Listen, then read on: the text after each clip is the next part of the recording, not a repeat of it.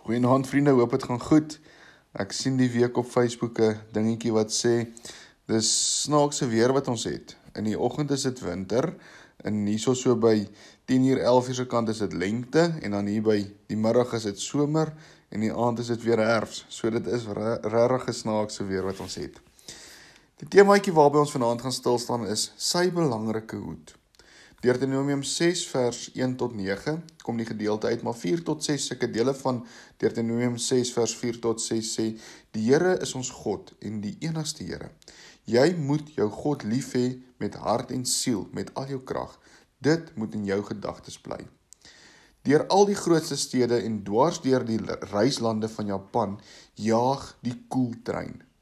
Nou Neil Verwy, 'n sending in Japan, stuur hierdie interessante storie of skryf hierdie interessante storie wat in die Yomiuri nuusblad in Japan verskyn het.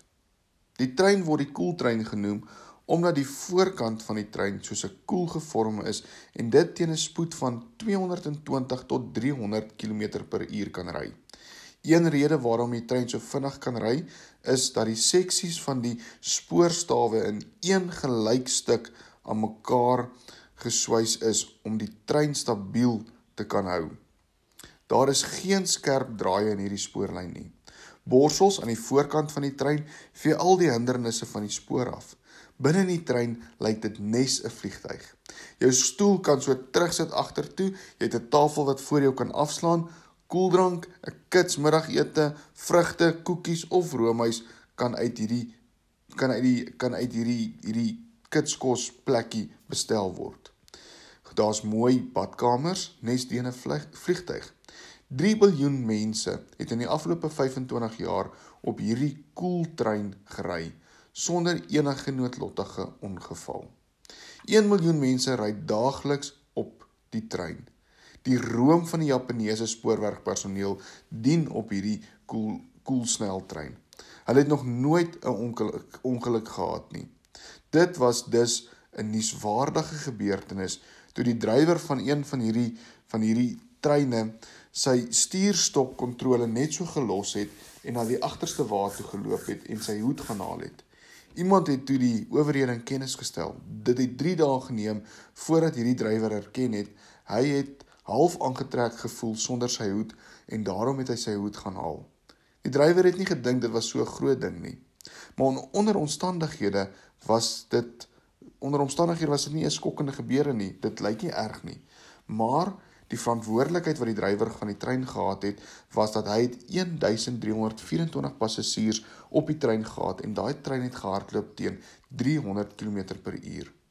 Dit was die onverskillige en gevaarlike daad. Hy het duidelik nie sy prioriteite reg gehad nie. Vir ons as kinders van God en volgelinge van die Here Jesus Christus is dit dus nodig om te bepaal wat moet voorkeur in ons lewe kry.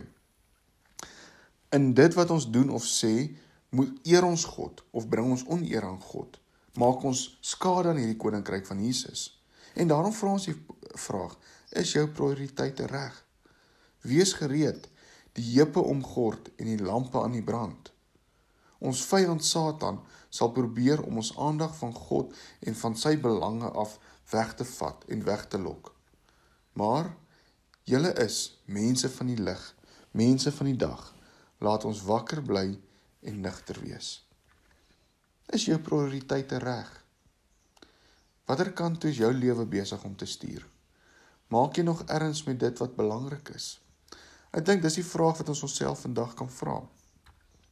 En daarom en daarom kan ons nou saam bid en ons kan vandag sê Here, vandag konsentreer ek op wat U vir belangrik op wat wat vir U belangrik is.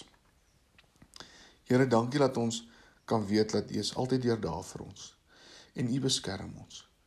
Maar wys tog vir ons wat is belangrik en help dat ons daarop sal konsentreer. Amen. Mooi week en mooi aand verder.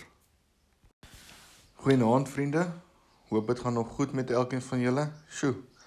Wat 'n week was dit nie gewees nie. Die sleg van die brande, die seer van van mense wat als verloor het, dit is net verskriklik. Dis verskriklik en en daarom is vanaand se tema die helende middel, die helende middel. 1 Petrus 5 vers 5 tot 7 vers 7 sê vir ons werp al julle bekommernisse op hom want hy sorg vir julle. Daar word vertel van 'n man wat so deur angs en bekommernis oorweldig is, is dat hy verlam is. Snags kon hierdie man nie slaap nie. Op 'n dag vra 'n Christen vriend vir hom of hy ooit oor sy probleme al gebid het. Hy het in jare nie gebid nie, antwoord hy. Hy het 'n Bybel. Het jy 'n Bybel vra hy vra sy vriend vir hom. Ja, iewers in my huis moet daar 'n Bybel wees. Die vriend gaan toe en hy skryf 'n teks op 'n stukkie papier neer. Hy sê gaan lees dit en en en doen dan so. Moeg na siel en liggaam was hierdie man gereed vir enige raad gewees. Hy sê hy het sy Bybel gaan kry, hy het die stof afgeskit van die Bybel af en so begin hy toe te lees Hebreërs 4 vers 4 tot 16. Terwyl ons dan nou 'n groot hoëpriester het wat reeds deur die hemele gegaan het, Jesus, die seun van God, laat ons vashou in die geloof wat ons bely.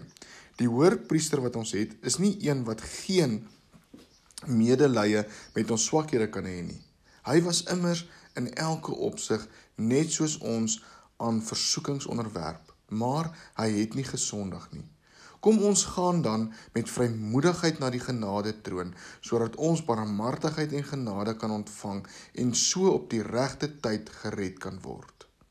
Hy het by sy bed gaan kniel, eers sukkelend en en moeilik vir hom, maar later met vrymoedigheid het hy sy probleme vir die Here vertel. Terwyl hy bid, raak die man aan die slaap. Ure later word hy wakker. Verkoop in sy gees weet hy hy het sielsgenesing gevind. Sy vriend het hom gehelp om Christus as sy verlosser te leer ken. Sy dokter was verstom geweest oor die verandering wat in hom gekom het. Ek vertel nou al my bekommernis vir Jesus en ek los dit in sy hande. Vertel hierdie man toe vir die dokter. En dokter se antwoord is: As meer van my pasiënte dit wou doen, sal ek gou sonder werk sit. Vriende, vertroue in God se liefde vir ons was Hanna, Samuel se moeder, se geheim toe sy met haar hartseer tempel toe gegaan het. Sy was bitter hartseer en terwyl sy tot die Here gebid het, het sy onbedaarlik gehuil.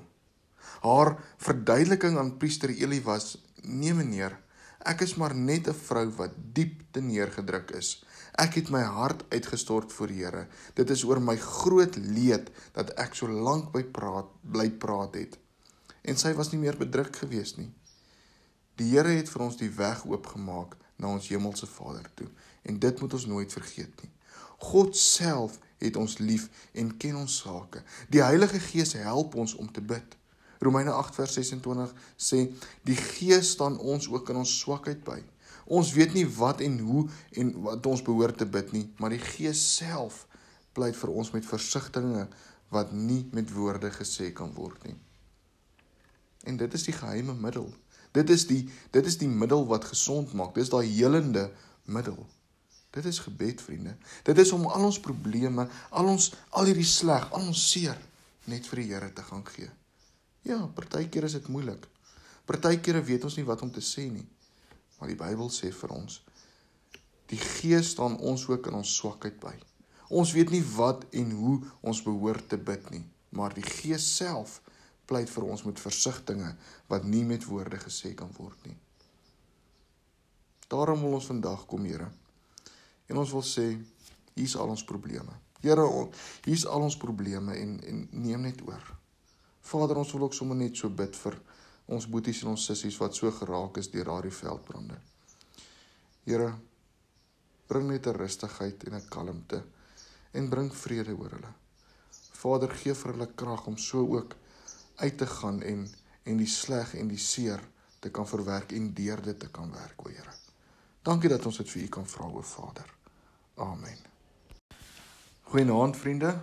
Hoop dit gaan nog goed met elkeen van julle. Sjoe. Wat 'n week was dit nie gewees nie. Die sleg van die brande, die seer van van mense wat als verloor het, dit is net verskriklik. Dis verskriklik en en daarom is vanaand se tema die helende die helende middel.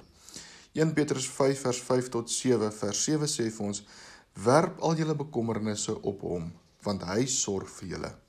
Daar word vertel van 'n man wat so deur angs en bekommernis oorweldig is, is dat hy verlam is. Snags kon hierdie man nie slaap nie. Op 'n dag vra 'n Christen vriend vir hom of hy ooit oor sy probleme al gebid het. Hy het in jare nie gebid nie, antwoord hy. Hy het 'n Bybel. Het jy 'n Bybel vra hy vra sy vriend vir hom. Ja, iewers in my huis moet daar 'n Bybel wees. Die vriend gaan toe en hy skryf 'n teks op 'n stukkie papier neer. Hy sê gaan lees dit en en en doen dan so. Moeg na siel en liggaam was hierdie man gereed vir enige raad gewees. Hy sê hy het sy Bybel gaan kry, hy het die stof afgeskit van die Bybel af en so begin hy toe te lees Hebreërs 4 vers 4 tot 16.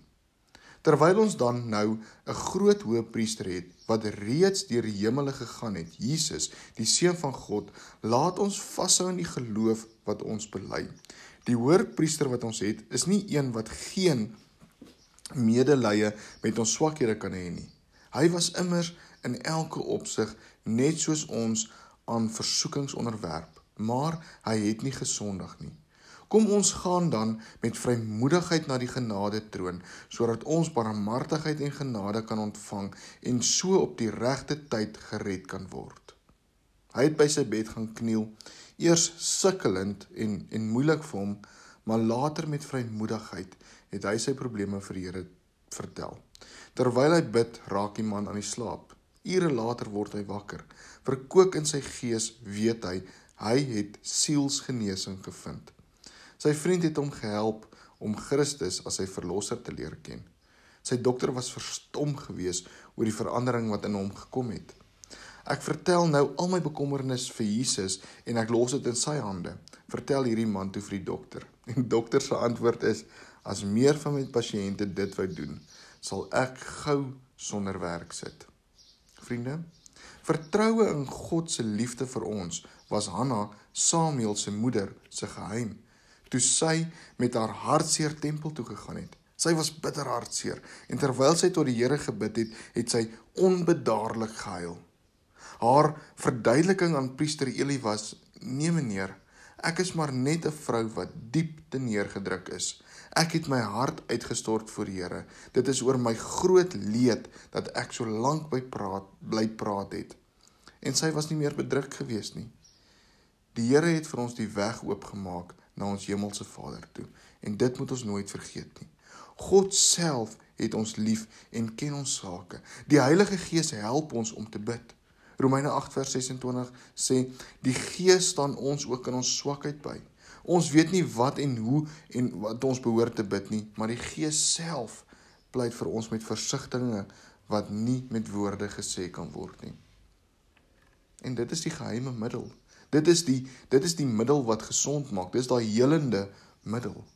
Dit is gebed, vriende. Dit is om al ons probleme, al ons al hierdie sleg, al ons seer net vir die Here te gaan gee. Ja, partykeer is dit moeilik. Partykeer weet ons nie wat om te sê nie. Maar die Bybel sê vir ons die Gees staan ons ook in ons swakheid by. Ons weet nie wat en hoe ons behoort te bid nie, maar die Gees self pleit vir ons met versigtings wat nie met woorde gesê kan word nie. Daarom wil ons vandag kom, Here. En ons wil sê, hier's al ons probleme. Here, hier's al ons probleme en en neem net oor. Vader, ons wil ook sommer net so bid vir ons boeties en ons sissies wat so geraak is deur daardie veldbrande. Here, bring net 'n rustigheid en 'n kalmte en bring vrede oor hulle. Vader, gee vir hulle krag om so ook uit te gaan en en die sleg en die seer te kan verwerk en deur dit te kan werk, o Here. Dankie dat ons dit vir U kan vra, o Vader. Amen.